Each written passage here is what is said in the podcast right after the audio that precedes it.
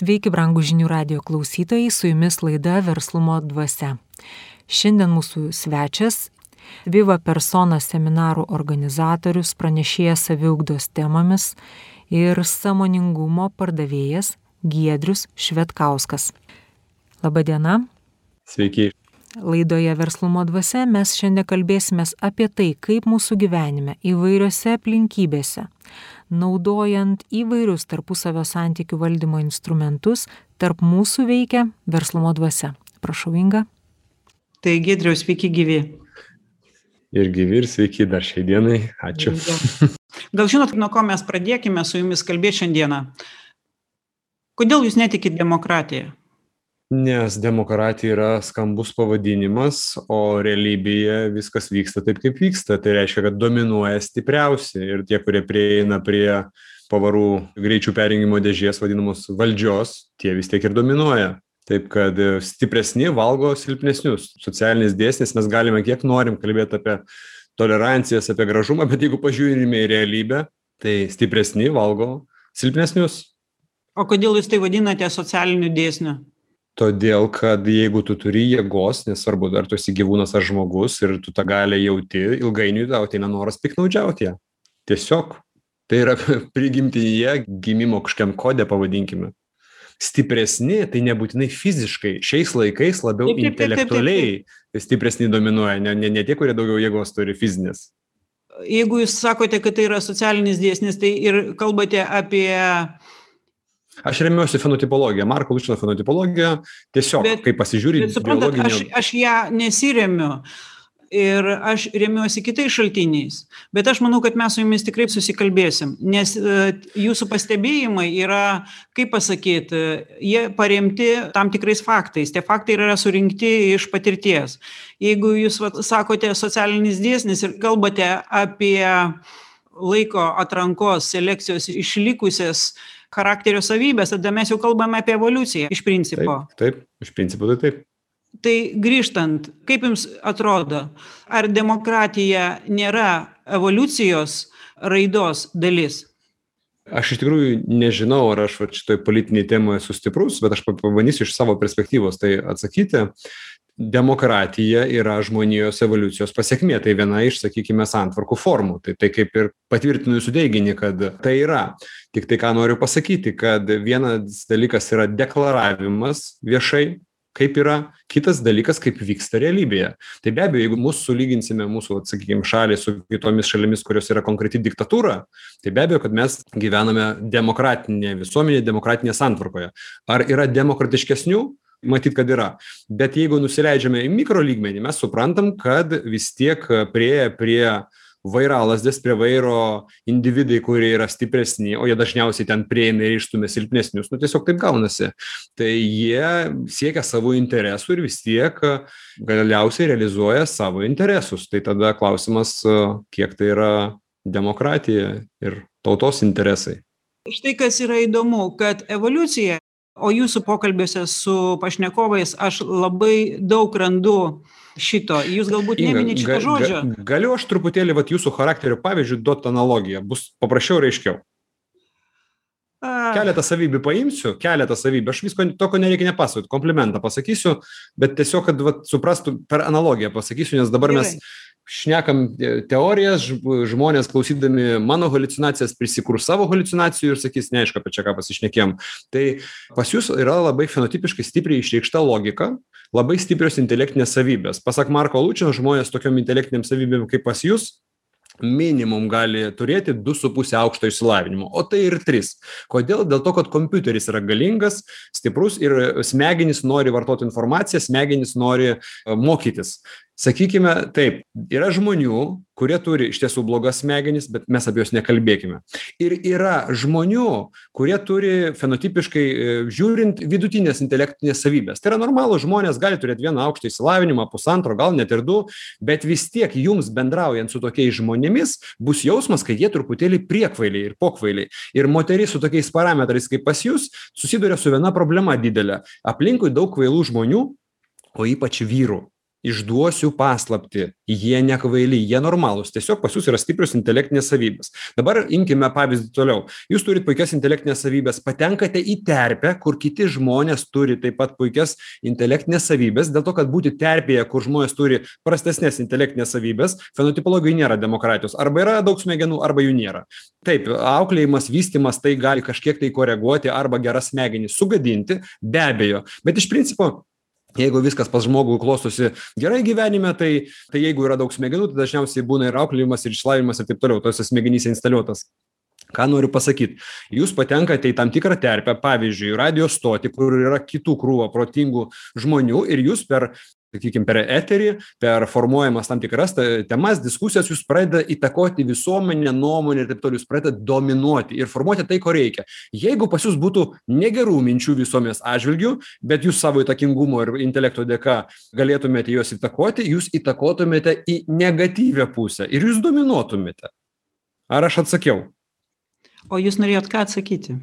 Aš norėjau parodyti kad žmonės kurie turi stiprias savybes ar intelektines ar fizines ir jeigu matys kad yra žmonių kurie neturi tokių intelektinių savybių ar neturi tokios jėgos arba neturi kitų dominuojančių bruožų ilgainiui jie naudosis tuo būt etišku ilgą laiką pakankamai sudėtinga. Reikia turėt labai stiprų moralinį stuburą moralines vertybes kad e, pasiaukojant elgtis sakykim dėl kitų. Žmonės yra linkę naudotis savo prigimtinėmis savybėmis tai yra vadovautis instinktais. Tai vat ir vat jum atsakymas dėl demokratijos kad ta demokratija jinai pavadinkime turima mintyje tam tikrą švelnesnę aplinką lyginant su kitomis aplinkomis tam tikrose terpėse tam tikrose teritorijose. Bet plačiąja prasme vis tiek laimi tie kurie turi savybių dominuot galim dar pasiginčyt kadangi jūsų charakteris užsispyręs iki negalėjimo šiaip pagal fenotipą taip kad galim pasiginčyt. žiūrėkit jūs sakot žmogus pagal savo biologines savybes turi poreikį dominuoti dar jisai turi poreikį daug valgyti taip. ar ne ir, kai, ir kur, kai daugintis. kurie mažiau kai kurie daugiau tai priklauso ar pas žmogų išreikštas polinkis kūniškiem malonumam įskaitant seksualinius ar neišreikštas. Vieni bus labiau asketiškesni kiti bus labiau linkę į tuos kūniškus malonumus ir daugiau valgymo. Jūs pasakėte jeigu žmogus sieks dėl tam tikrų dalykų dėl tam tikrų charakterio savybių savo savyje išlikti teisingas jisai laikysis moralinių vertybių. Ką jūs laikote moralinėmis vertybėmis? Įdiegtos sociumo aplinkos tėvų tam tikros vertybės kurios tame laikmetyje laikomos teisingomis nes jos gali kitame laikmety būt neteisingomis. Čia reik susitart kas šiame laikmetyje yra moralinės vertybės. Ką dar norėjau pasakyt grįžtant prie demokratijos ir prie valdžios. Fenotipologiškai jeigu pasižiūrėtume į vyriausybės narius pasižiūrėtume į seimo narius pasižiūrėtume į prezidentą pasižiūrėtume į kitus valdančiuosius asmenis puikiai matosi kiek pas ką yra intelektinių savybių kaip jos vystytos matosi komerciniai instinktai matosi kad valdžioje esantys žmonės labai daugelis iš principo yra ten verslininkai esantys valdžioje užsiimantys verslu ir savais interesais. Ir žmonės su tokiais genetiniais duomenimis jie negali neužsiiminėti praktine ūkine veikla kur jie bepapultų papuola į seimą jie ten užsiiminėja papuola į vyriausybę ten užsiiminėja papuola kažkokias organizacijas kur galima užsiiminėt ta veikla jie užsiiminės. Kodėl? Todėl kad jie yra tokie. Aš nesakau kad tai yra nei blogai nei gerai. Aš tiesiog sakau objektyviai pasižiūrėkime kaip yra. Dalis žmonių be abejo gali turėt kažkokių tai filantropinių paskatų bet tokių sakykim turinčių ideologo savybių žmonių iš tiesų yra labai labai mažai. Ir kas įdomiausia būna kad kai reikia pakomentuot kartais manęs prašo pakomentuot istorines asmenybes apie kurias yra apipinta labai daug mitų jie ten yra mūsų tautos patriarchai panašiai bet pasižiūri pagal fenotipą ir supranti kad nei ten tų daug intelektinių savybių buvo nei ten daug to veiklumo buvo tiesiog žmogus atsidūrė tinkamu laiku tinkamoj vietoj ir prisiėmė atsakomybę už veiksmus arba taip sutapo aplinkybės. Ir po to jisai tapo mums didvyriu ir štai žiūrėkit kaip įdomiai dėliojasi kad žmogus turintis savy išugdytą šitą gebėjimą daryti įtaką tai reiškia dominuoti bet taip pat jo moralinės vertybės jį skatina o čia mes jau tada kalbame apie sąmoningumą kažką tai truputėlį padaryti daugiau dėl to sociume kuriame jisai gyvena. Nes jisai jeigu skatina. Jeigu Jeigu skatina. čia reikia konkretų žmogų žiūrėt taip. Jeigu jo savimonė apie tą aplinką kuri jį supa apie tai ką jisai pats išgyvena tuos biologinius instinktus ir jisai suvokia kad to neverta rinktis. Ir štai jisai ką jūs kalbate apie tą sąmoningumą apie aš turėč no norėčiau truputėlį papildyt dar vat ką pasakojau markas slušninas labai dažnai akcentuoja aš kodėl sakau markas slušninas nes aš daug iš jo perėmęs ir daug jo žodžių naudoju dėl to aš sakant duodu nuorodą į autorių Prašom, tik jūs truputėlį tikrai... pristatykite šitą asmenybę, kad... Taip, Markas Lučinas yra fenotipologijos autorius. Fenotipologija yra metodika, turinti patentą, kuri E, skirta identifikuoti bet kurio biologinio objekto ar tai būtų gyvūnas ar tai būtų žmogus e, charakterio savybes esant stresinei situacijai. Kai pasireiškia instinktai tai reiškia kad jeigu žmogus iš prigimties yra aktyvus jo organizmas aktyvus jisai elgsis aktyviai. Jeigu žmogus yra neaktyvus tai jisai elgsis labiau neaktyviai. Duosiu analogiją su gyvūnais yra taksas yra dobermanas taksas trumpom kojom dobermanas ilgom. Strese taksas nebėgs taip toli taip greitai kaip dobermanas. Kodėl? Nes nulemta genetiškai. Kai poruojasi taksai gimsta šuniukas su trumpom kojom negimsta su ilgom kojom. Tai vat lygiai tas pats su žmonėmis ir parametrai kurie sako kad vat žmogui bus lengviau elgtis stresinėj situacijoj taip ir ne kitaip. Jisai gali pasistengti elgtis priešingai bet labai trumpą laiką dėl to kad tai bus nenatūralu Jūs... Va, ir mintį kokią norėjau pasakyti, kad Markas Lučias labai dažnai akcentuoja, kad jeigu žmogus yra veiklus, komerciškai veiklus ir patenka toks žmogus į valdžią, tai nėra blogai. Yra bloga motyvacinė sistema nes jeigu žmogus yra turintis gebėjimų daryt rezultatą ir kuriuo gali pasinaudot visuomenė tai yra super. Tiktai kadangi atlygio sistema gali būti ribojanti gali atsirasti korupcija. Užduotis yra kad jis galėtų toliau daryti naudą visuomenei bet gautų dalį pelno nuo tos visuomenės. Kaip tai keistai gal beskambėtų bet tada bus viskas gerai. Nes labai dažnai į valdžią patenka žmonės kurie yra neveiklūs ir nesugebantys elementaraus rezultato sukurti. Va tai yra blogiau negu kai patenka žmogus su geromis versliomis savybėmis. Tiktai jam reikia dar kartelį sukurti tinkamą atlygio sistemą kad jisai nuo pelno sukurto visuomenei gautų didesnį rezultatą negu algą. Tada viskas bus gerai. Tiesiog pamąstykit apie tai. Taip? Kaip jūs manot ar demokratija mums nėra viena iš galimybių nuolat daryti šitą atranką kad per šią atranką mes galėtume matyti atrasti savyje tas savybes apie ką jūs kalbate ir suvokti tuos biologinius instinktus ir tuos socialinius instinktus. Ir šitaip auginti tą kolektyvinę savimonę jūs kalbat apie idealų variantą. Jeigu vat sakykime užsakytume marko lučino paslaugos kad jisai sukomplektuotų vyriausybės komandą seimo komandą tai būtų idealu bet nieks jam to dalyko neleistų daryti dėl to kad yra labai daug interesų ir žmonių su interesais ir jisai ne visiem patinka jūs ne visiem patinkat aš ne visiem patinku. Tai reiškia kad pastoviai bus kova dėl valdžios tarp skirtingų interesų ir kokių interesų daugiau kieno atstovų daugiau už ką prabalsavom tą ir išrinkom. Ir markas lučinas dažnai sako sako įsivaizduokit kad gydytum žmogų būtum daktaru reikia baigt kokias studijas kiek metų studijuoti kad vairuotum automobilį turi turėt teises kad valdyt šalį iš principo jokio išsilavinimo kaip ir nereikia. Nors tai yra atsakingiausias dalykas mūsų visuomenėj taip girdžiu kad visos mūsų struktūros stengiasi kad žmogus kuo mažiau mąstytų. Aš taip nesakiau. Aš nežinau kaip tai išmatuot jeigu mes paimtume mediciną politiką švietimą žmogus yra kaip visuomenės narys yra daug patogesnis kada jisai nemąsto tiem kurie valdžioje ir kurie ilgą laiką valdžioje be abejo žmonės kurie ateina į valdžią kaip ir bet kurį socialinį darinį į įmonę į kažkokią tai draugų ratą visi siekia tam tikrų interesų.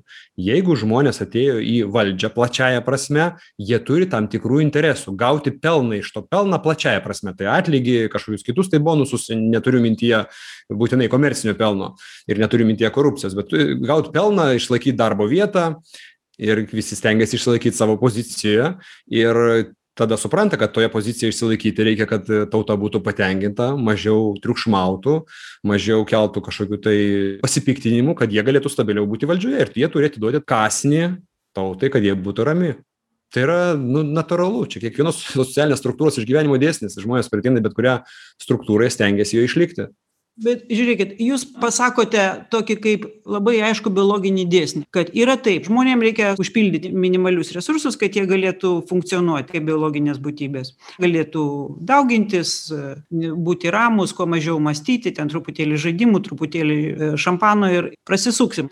Bet kaip aš jums sakau kad žmonės per tai atpratinami mąstyti jūs sakot ne ne ne ne ne čia taip taip. Ne aš aš nesakau net net pratinimui mąstyti be abejo kad žinot ar vat tai yra sąmoningai specialiai daroma ar tiesiog taip susiklosčiusi sistema aš to nežinau nes sakykim turėt tiktai konspiracijos teoriją kad čia specialiai daroma pavyzdžiui lietuvos lygmenyje lietuvos politikų negaliu taip teigti nes gal tiesiog taip susiklostė aplinkybės kad kas prieina prie valdžios siekia vienų interesų kas neprieina piktinasi nepatenkinti valdžia keikia ir panašiai vietoj to kažką darytų ir kad taip specialiai darytų. Nežinau. A žinot yra labai toks vat markas kažkada per vieną seminarą pasakė sako dar berods rusijos caro laikais buvo išleistas toksai įsakymas ar įstatymas kad žmogus valdininkas prieš kažką tai kalbėdamas turi pasirašyti viską ant popieriaus lapo nes kvailumas kvailystės matomos ant popieriaus lapo.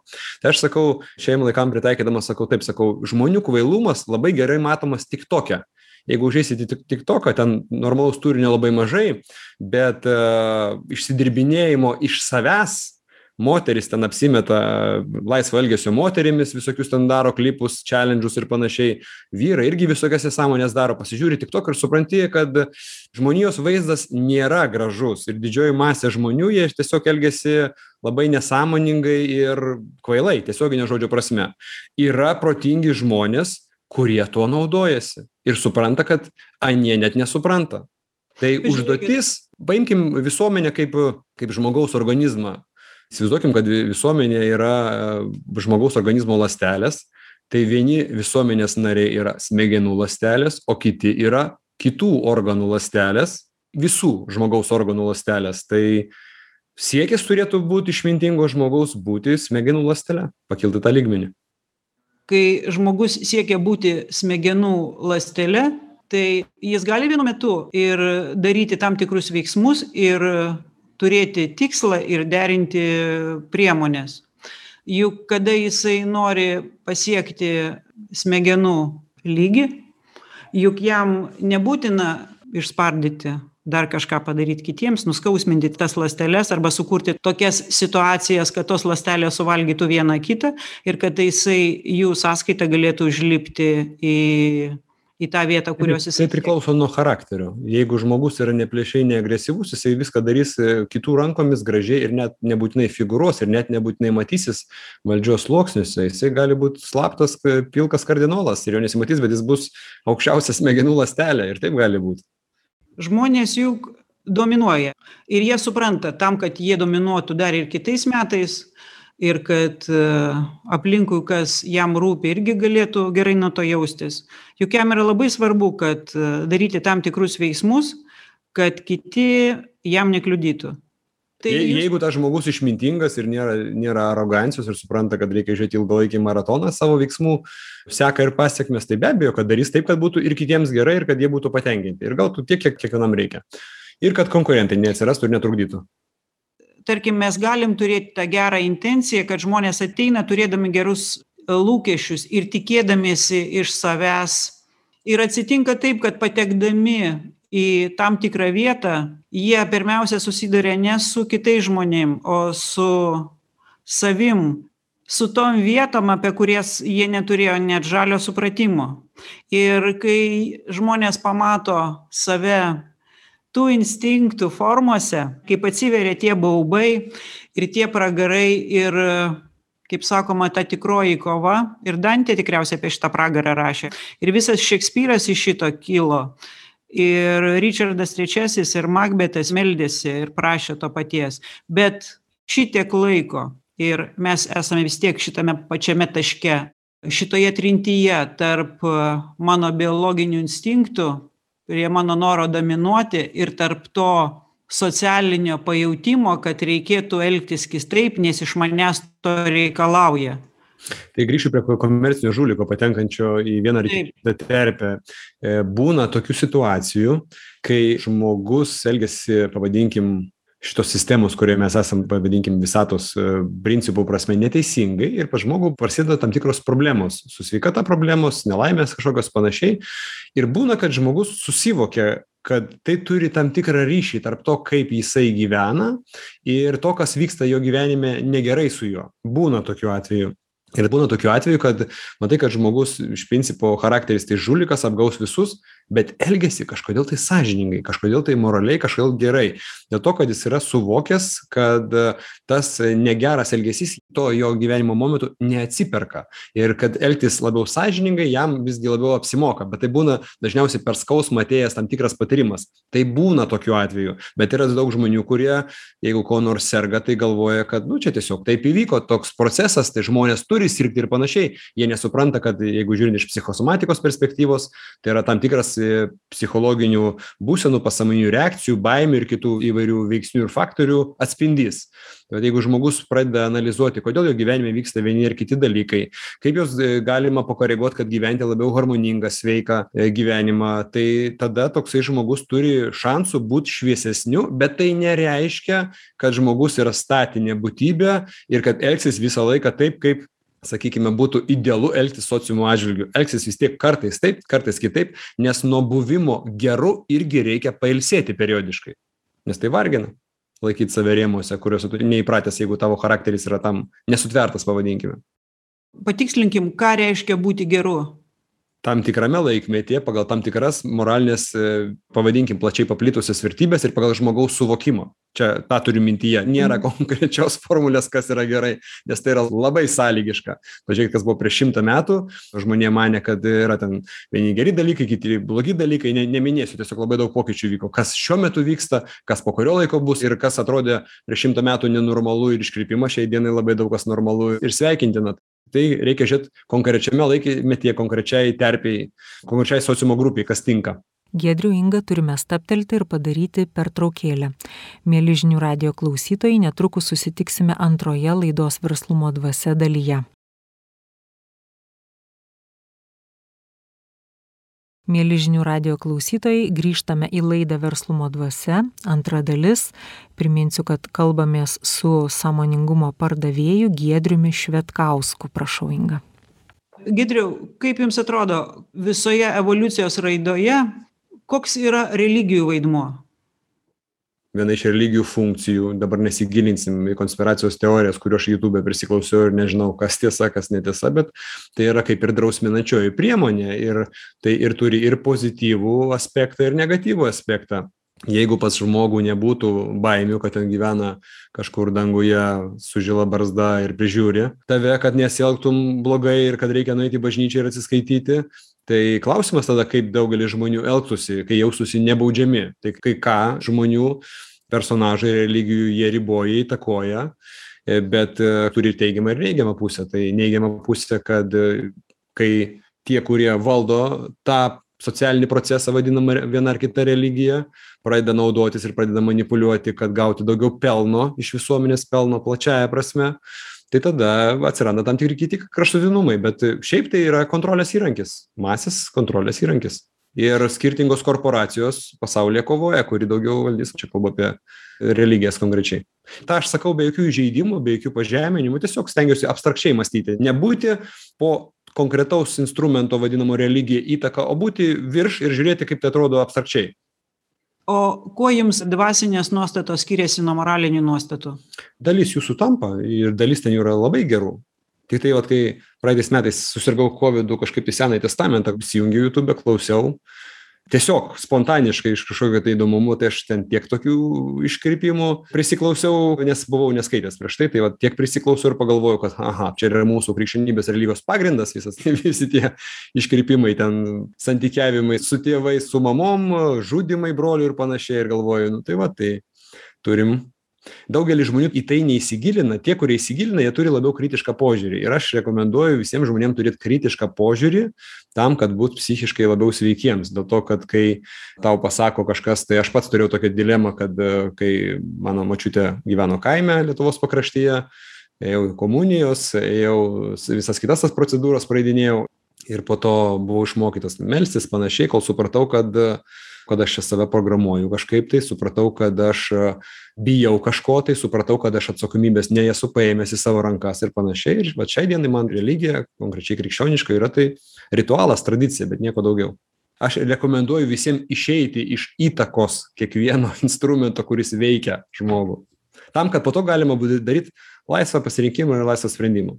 Nieks nesako O- vat neikit į bažnyčią eikit jeigu norit bet sąmoningai suvokit kad einat į gražų teatrą o tai pavyzdžiui tas kelias kurį pasirinkote jūs apie kurį jūs truputėlį papasakosit taip? Kaip jums pavyksta turėti tiek valios kad jums tai nėra religija?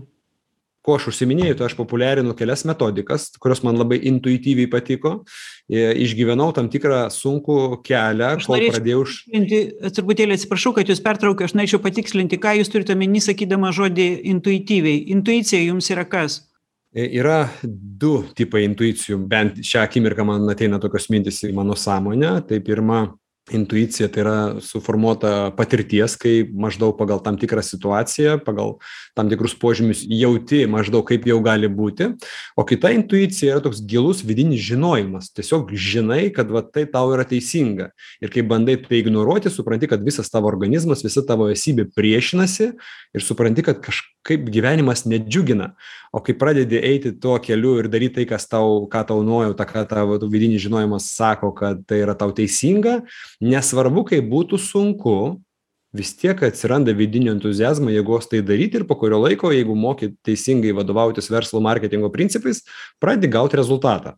Tai va aš turėjau pakankamai sunku etapą, kai tik pradėjau veiklą seminarų ir konsultacijų įdomių metodikų pardavinėjimo ir organizavimo ir tai buvo neišsukta, tai tada buvo pakankamai sudėtinga ir finansiškai ir visai kitaip. Bet po kurio laiko, kai jau pradeda brandas duoti savo dividendus, kai atsiranda daugiau užsakymų, tada gyvenimas e, normalizuojasi. Nu, ir po to ateina COVID ir vėl viską reikia keisti. žmogus yra jausminė būtybė loginė dieviška Yra yra e, žmonės, kurie turi labai labai stipriai išreikštą logiką, fenotipiškai. Yra žmonės, kurie turi neišreikštą stiprią logiką ir turi išreikštus jausmus. Yra žmonės, kurie neturi stiprios logikos ir neturi stiprių išreikštų jausmų. Yra žmonės, kurie turi ir labai stiprią logiką, ir labai stipriai išreikštus jausmus. Kaip tai apjungti? Jausmingas ar jausminga logikė. Nėra prieštaraujančių bruožų. Dievo savoka, jum ta asociacija yra su Mhm, krikščionybė. Su krikščionybė. Man, man asmeniškai su krikščionybė aš pagalvojau, kad e, yra tam tikras stiprus suformuotas mano sąmonėje stereotipas ir aš tą turėčiau pakeisti kažko tai kitų, ieškoti tiekmens, dabar pas e, tą naujo amžiaus New Age sekėjus e, labai populiaru sakyti visata čia ir panašiai, tai aš pasirinkau žodį sistema. Sistema, kurioje aš esu ir esu tos sistemos dalis. Yra įvairių terminų, aš specialiai savo pasirinkau, kas man nekeltų susierzinimų ir kas man tiktų. Esu pasiekęs tokį jau suvokimo lygmenį šiai dienai, kad visgi suprantu, kad aš esu sistemos dalis ir mano užduotis būti idealia šitos sistemos detale. Nes kai detalė klyba, neideali, prasideda problemos pas detalę. Detalė turi veikti pagal atlikinėti savo funkciją, kuria jinai yra suprogramuota. Vat aš jaučiu, kad aš turiu tam tikrą funkciją visuomenėje, kurią atlikinėjau tam tikrame ligmenyje. Tai manęs klausia, sako, ar tu tik į Dievą?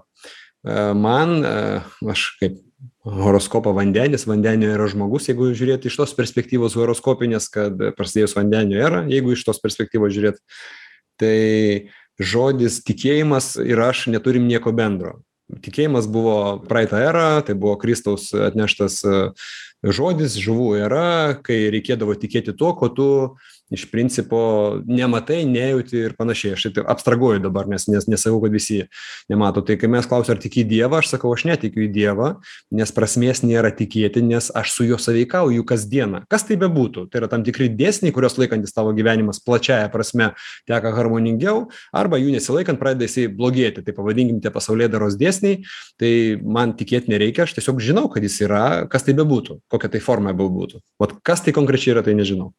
Gal jūs man atsakysite? Tai gal jūs pats atsakėte prieš tai kalbėdamas apie intuiciją, sakydamas, kad yra tas gilų žinojimas, kuris jūs persmelkia visą. Juk jūs, pavyzdžiui, labai aiškiai žinote, kodėl jūs dabar esate prisisegęs tą žydrą peteliškę. Taip, vienareikšmiškai. Galiu atsakyti į tą klausimą, jeigu įdomu. Aš tikriausiai žinau, bet atsakykit, klausytojams bus įdomu. Tai aš užsimu viena iš tokių metodikų, kurią užsiimu ir kurią populiarinu ir kuri šiek tiek primena religiją, šiek tiek primena, bet aš kiek užsiimu, nu, kaip aš pasižiūrėjau objektyviai ir supratau, kad ten jokia ne religija, tai yra naujas ezoterinio tipo metodas mokslas. Per šitą metodą, aš manau, kad ir kiti metodai tai gali išaiškinti, bet buvo labai įdomiai išaiškinta tame metode vienoje iš programų susijusių su pinigais, pinigų uždirbimu, kad planeta turi septynias sferas tai yra žemės sfera vandens sfera oro sfera ugnies sfera eterio sfera kosmoso ir vakuumo sferos. Ir kad žmogus ateidamas gimdamas pasirenka vieną iš sferų kurioje yra jo pinigai. Taip vadinamas energo paketas. Tai mano pinigai yra eteryje komunikacijoje žodžiuose ir sakykim jeigu žiūrint iš energetinių centrų perspektyvos tai eteris yra gerklės komunikacijos šita zona.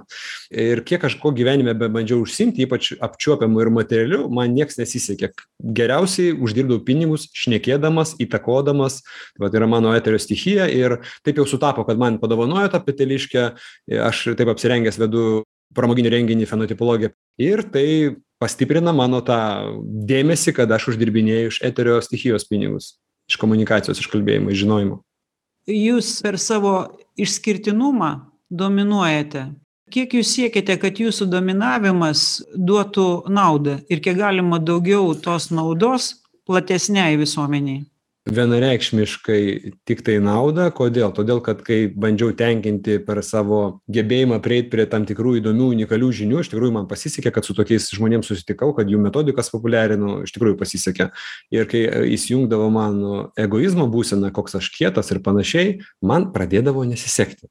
Ir aš tą labai aiškiai pastebėjau ir pastebėjau kad man geriausiai sekasi kai aš nuoširdžiai stengiuosi padėt žmogui išspręst jo problemą tų instrumentų kuriuos aš populiarinu ir kuriuos pardavinėju dėka ir tada kažkaip tai nevyksta nėra vidinio konflikto tada tie žmonės būna patenkinti jie rekomenduoja kitiems ir tada mano veikla plečiasi. Tai vienareikšmiškai tiktai padėti nes ego būsena man asmeniškai labai stipriai blokuoja rezultatą.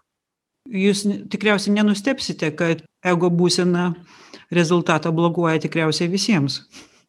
Jau čia matyt socialinės tos dalies. nesutik nesutiksiu dėl vieno aspekto. Šiaip sutinku ką pasakėt. Tai vienas aspektas vieniem tai pasireiškia iš karto labai greitai ypač sąmoningiem kurie supranta kad viskas kažkaip čia susiję. Ir tada auklėja kažkokios tai išorinės jėgos pavadinkim dievas labai greitai. Bet jeigu žmogus energingas valingas nekreipia dėmesio į tas kliūtis gali ilgą laiką nesusivokt. Kol tai po to dažniausiai aš tai dabar nesakau kaip mokslinį faktą bet dažniausiai pasireiškia kažkokiomis tai ligomis tai vieniem anksčiau kitiem vėliau susivokia tai arba kitaip sakant žmogus susidurdamas su savo pasekmėm gali nueiti prie priežasties. Tada visam procese pamatyt ką jisai čia primalė. Ir jūs atskleidžiat kad žmogus gali atsirinkt. Jūs tikite tuo kad žmogus gali atsirinkt kad šiandien jis yra subrendęs. Sociume atsirinkt. aš netikiu aš žinau tiktai konkrečiai kuris žmogus nežinau reikia kad parodytumėt. Ir tada ir galbūt tam žmogui reikia padėt kodėl aš pristatau save kaip sąmoningumo pardavėjas? Tai yra mano rinkodaros vardas rinkodarinis. Ir sako kaip tu tą parduodi sąmoningumą? Sąmoningumo neįmanoma parduot o aš deklaruoju kad ir didmeną ir mažmeną galima parduot. Tai tai yra juoko forma. Praktiškai tai atrodo taip kad aš organizuoju vilioju žmones ateiti domėtis metodikomis kurios gali padėti jiems išspręst tam tikras problemas. Seminarų ir konsultacijų forma. Ir kaip sąmoningumą parduodu manęs klausia. Susitinku su kažkokiu tai žmogumi papasakoju žiūrėdamas į išorinius genetinius požymius kaip atrodo išreikšti genetiškai keletą savybių arba daugiau savybių žmonės sako viskas atitinka ką galima dar sužinoti jiems tampa aiškiau jų galvoje kodėl jie vienaip ar kitaip elgiasi.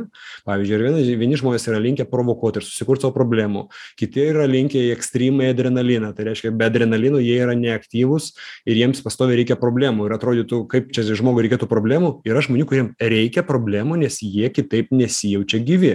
Vieni yra labiau emocionalūs kiti yra labiau šalti vieni yra labiau jausmingi kiti yra labiau labiau tiesmuki labiau logiški vieni aktyvūs daugiau kiti konservatyvūs. Konservatyvūs žmonės fiziologiškai turi problemų iš karto su širdimi su amžiumi. Ir kai tu tai supranti papasakoji žmogui žmogus supranta gali pradėt elgtis sąmoningiau o man ir mano partneriam tu mainais palieka pinigus už paslaugą. Gal čia taip drastiškai nuskambėsiu o koks čia sąmoningumas? Jūs tiesiog kaip pasakyt primatui paduoda tabletę kad jis ją pačiulptų ir tą akimirką neblogai jaustųsi nu penkmečiui nu porai mėnesių. Yra įvairūs instrumentai. Klausimas kur skauda kokią problemą norime išspręsti ir tą problemas spręsti įvairiais aspektais galime visą gyvenimą. Yra tokių metodų kur gali pastoviai užsiiminėt programomis ir tobulėt aš paėmiau tiktai vieną instrumentą ir daviau pavyzdį. Tai čia toks trumpas tiktai instrumentas. Jeigu norėsit daugiau instrumentų galėsiu daugiau duot taip. Kaip jums atrodo kodėl žmonės taip nenori patys ieškoti atsakymų patys analizuoti? Aš nesutiksiu su jumis dėl to kad dalis nori ir dalis analizuoja ir stipriai o dalis neanalizuoja. Pasižiūrėkite feisbuke visokių sąmoningumo grupių nušvitimų panašiai. Tai dalis žmonių juda tomis temomis. Negaliu pasakyt kad nieks nejuda. Juolab kad dabar o atsiprašau aš tada kitaip paklausiu. O jūs analizavimu laikote tai kad žmogus naudojasi tam tikrais algoritmais? Jam pasiūlytais? Taip ir jeigu jis ir jūs tai vadinate analize taip? Visų pirma procesas turbūt atrodo taip kad pas žmogų prasideda kažkokios tai problemos nes kai viskas gerai žmonės nesimoko. Jie mėgaujas gyvenimu arba gyvena taip kaip kaip gyvena. Bet kai prasideda problemos dalis žmonių aš nežinau kaip faktiškai bet turbūt gal ir nieko nedaro ir sako nu toks gyvenimas ir miršta nežinojime kita dalis žmonių pradeda ieškoti pradeda pastebėt tam tikrus dėsningumus ir tada jau ieško labai konkrečių instrumentų kurie gali padėti. Išbando įvairius instrumentus kažką tai atsirenka. Labai įdomus momentas kad pavyzdžiui turėjau vieną klientą kuris atėjęs ėjo per visas programas per visas seminarus per visas konsultacijas o po to sako viskas stop ačiū nebereikia kai viską praėjo nes prisivalgė ir sako aš dabar nieko nebesimokau nes kol kas vat labai daug gavau. Po to pas jį gyvenime vėl ateis tam tikras etapas arba jau yra atėjęs ir žmogus vėl judės. Tai žmonės valgo sąmoningumą porcijomis vartoja. Tai reiškia pasiekiamas vienas lygmuo. Po kurio laiko atrodo kad tas kas atrodė vau tuo metu po kurio laiko gali atrodyt kad vaikų darželis buvo. Kaip žiūrite į meditaciją? E, meditacija tai yra instrumentas kuris reikalingas tai tam tikram tikslui pasiekti. Ir viskas. Ir jis yra reikalingas bet ar tai yra viskas? Ne nes tai yra vienas iš instrumentų. Taip pat kaip neurolingvistinis programavimas taip pat kaip fenotipologija taip pat kaip n n n kitų. Čia yra vienas iš instrumentų. Bet kai tai tampa tokia dangaus mana kad čia dabar tiktai meditacijom užsiiminėsim tiktai pasinersim į tas būsenas tai tai kraštutinumas tai yra instrumentas kurio tuo metu reikia. Jeigu tau tuo metu yra blogai jeigu tu stresuoji pasinerk į vidinę ramybę nusiramink ir gyvenk toliau šiandien mes pasiekėm tokį lygį kad turime tiek daug priemonių kad būtume žvitrūs bet yra kitas klausimas kad priemonių mes nepaverstume jų savo gyvenimo tikslu ir nepriliptume prie jų netaptume tų priemonių įkaitais. Ar čia jūs matote savo nišą taip pat mano niša yra aš parduodu kelias metodikas kurios man labai patinka. Man yra siūlę daug labai metodikų populiarint kaip organizatoriui man ne visos patinka. Jeigu jaučiu kad tame nėra draivo ir ekstrymo ir įdomumo ir išskirtinumo man aš net nesiimu. Tai vat yra kelios metodikos tai yra fenotipologija stiprus mąstymas sielos terapija arba psichosomatikos pagrindu sukurta metodika ir ritmologijos metodika vat man jos patinka aš jas populiarinu. Yra kiti kurie populiarina kitas instrumentas negali būt tikslu. Taip, taip, taip. Negali. Taip, instrumentas, instrumentas yra tiesiog skirtas pasiekti tikslui. Koks tikslas? Žinau, tikslas gali keistis per gyvenimą, nes keičiasi žmogaus suvokimas, samoningumas ir kas jam atrodė, kai jis buvo jis ar jie 20, 30 ir kai jau žmogui 80 ir jisai dar nori judėti kabintis į gyvenimą. Tai gali būti labai skirtingi, priklausantis nuo gyvenimo etapai. Yragi toks dėsnis, kad su amžium žmonės, e, kalbėsiu apie vyrus daugiau, nes tą pusę išmanau, nori pradėti mokyti kitus ir dalinti su kitais savo patirtimi. Tai yra natūralus dėsnis, žmogus nori įsiprasminti kitose. Matot, tai yra labai esminis biologinis instinktas - perduoti palikonims. Tai kaip jūs jaučiate, ar jūsų platinimas tų metodikų, jūsų va, darimas to, ką jūs darote, jau yra jūsų gyvenime jūsų paties realizacija? Ir realizacija ko? Tai pasakysiu taip kad aš e, sprendžiau užduotį dilemą daug metų aš užsiimu šita veikla šešiolika metų ir labai norėjau dirbt tarptautiniame lygmenyje. Bet kažkaip vidus žin vidinis žinojimas sakė kad e, per anksti per sunku kaip čia dabar važiuot į tą ameriką reikia daug pinigų reikia ar į kitą kokią šalį nesvarbu čia kaip pavyzdį pasakiau reikia įmonę atsidarinėt ir panašiai. Ir buvo toks sunkumo jausmas kad kažkaip kitaip noriu bet nematau kaip tai gali realizuotis. Ir po to atėjo kovidas ir atėjo karantinas. Ir kai man likus dviem savaitėm prieš seminarus organizavimą pakankamai gerai parduotų sako kad nebus uždarom viską nebus. Sakau kaip tai nebus? Mes gi darom mes jau surinkom grupę taip toliau tai tada su visais partneriais lektoriais mano mes perėjome į onlainą. Kodėl sakau mes perėmė onlainą? Jie yra pakankamai konservatyvūs ir jie niekada neplanavo pereiti į onlainą. Ir mes perėjome. Ir iš vienos pusės tai buvo labai stresinis periodas. Praeiti metai išgyvenimo periodas nes visi produktai reikėjo pakeist produktus reikėjo adaptuotis. Konkurencija onlaine labai stipriai išaugo mokymus visi siūlo krūva nemokamų mokymų parduodi mokymus ir dar brangius tai bet mes persitvarkėme ir kitas dalykas kad tada aš kažkaip supratau kad palauk bet dabar ribų nebėra aš galiu bet kur organizuot seminarus. Mano šalis yra internetas ir aš supratau kad aš nepasiruošęs tam naujam pasauliui tam naujam gyvenimui. Pas mane pradėjo dabar dalyvauti mano organizuojamuose seminaruose žmonės iš įvairių šalių e, lietuviai ir kol kas rusai anglakalbę rinką žiūrime bet supratau kad aš nepasiruošęs nei svetainių tam yra paruošta nei priderinti principai nei kalba priderinta prie jų. Tai vat šiais metais kuo aš užsiiminėju tai aš kuriu infrastruktūrą kad galima būtų užsiimėti mano veikla plačiau. Ir iš vienos pusės metas tikrai nebuvo lengvas ir jis nėra šiai dienai dar lengvas. Iš kitos pusės supratau kad gal čia pildosi mano svajonė.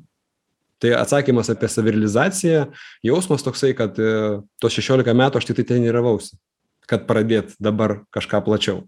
O kaip bus pamatysim nes e, tai nėra taip paprasta pasakyt kad vat imsim ir padarysim. Reikia ir resursų ir išmanymo ir krūvą socialinių barjerų apeiti. Jūs norit dominuoti.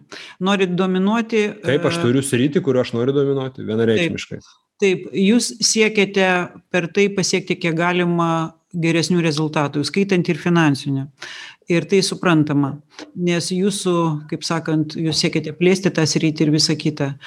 Ir vienareikšmiškai. Ir jums reikalingi žmonės. Jums reikia daug daug nesąmoningų žmonių kurie nesugeba susigaudyti. Tai ta rinka jums yra labai naudinga. Taip? E, pasakysiu taip tiesiai šviesiai kai atėjo kovidas ir kai daugeliui žmonių patapo blogai aš kažkaip supratau kad tai yra labai gera situacija man ir visiems lektoriams. Kiek girdėjau tiksliai nežinau bet aš kodėl taip sakau tiesiai? Dėl to kad aš mėgstu tiesiai be iliuzijų šnekėt. Tai ir tegul žmonės ir supranta kad va taip ir yra. Ir kiek girdėjau aš pats asmeniškai nežinau netikrinau prie durų nestovėjau bet kad pas psichologus eilės buvo didžiausios. Ir yra turbūt per šitą periodą nes pakankamai sudėtingas metas buvo žmonėm kai gerai žmonės nesimoko nes nėr motyvo.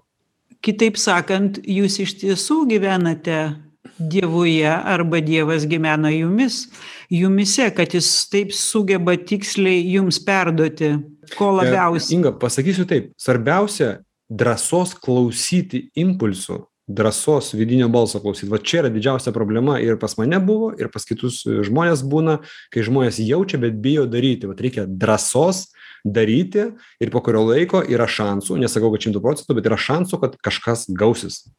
Su kokiom nuostatom yra susijusi ši savybė drąsa daryti?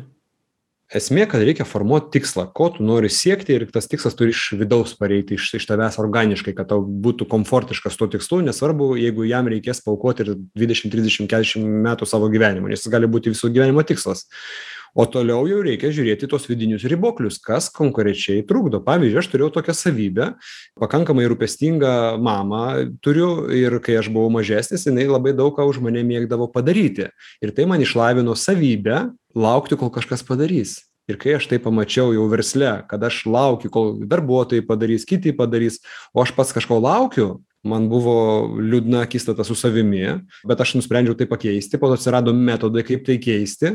Ir tada pradėjau po truputėlį išspausdinėti iš savęs tą pavadinkim tokį laukimo vergą daryti daryti daryti. Ir po to atsirado įgūdis tiesiog imt ir padaryt imt ir padaryt imt ir padaryt arba jeigu nėra intereso imt ir nedaryt. Tai reikia tapti tuo žmogumi kuris sugebės realizuoti tą tikslą kurio tas žmogus nori realizuoti. O jau ten toliau detalės ką reikia koreguot savyje nes pas kiekvieną bus skirtingai. Gerai, Gedriau, prašau tada linkėjimą mūsų klausytojams, mes turim tokią tradiciją. Mano palinkėjimas e, kiekvienam žmogui draugauti su kritiniu mąstymu. Nieko netikėt, nieko nepasitikėt, net ir savim abejot. Kodėl? Todėl, kad į mane dažnai, kai kreipiasi pasitart žmonės, jie klausia, ar aš galiu tai ir tai daryti. Ir man toks jausmas, nu, kas aš toks kad tau leidimą suteikčiau jeigu nori imk ir daryk prisiimk atsakomybę ir daryk tai viena perspektyva kita perspektyva kad tai ką mums bruka įvairūs informacijos šaltiniai plačiąja prasme ir įskaitant ir mūsų artimuosius į viską reikia žiūrėti kritiškai niekuo netikėt niekuo nepasitikėt tame gali gimti išminties grūdas Labai ačiū Gedriu, Inga. Laida Verslumo dvasia šiandien jau baigėsi. Mėly žinių radio klausytojai, iki kitų susitikimų.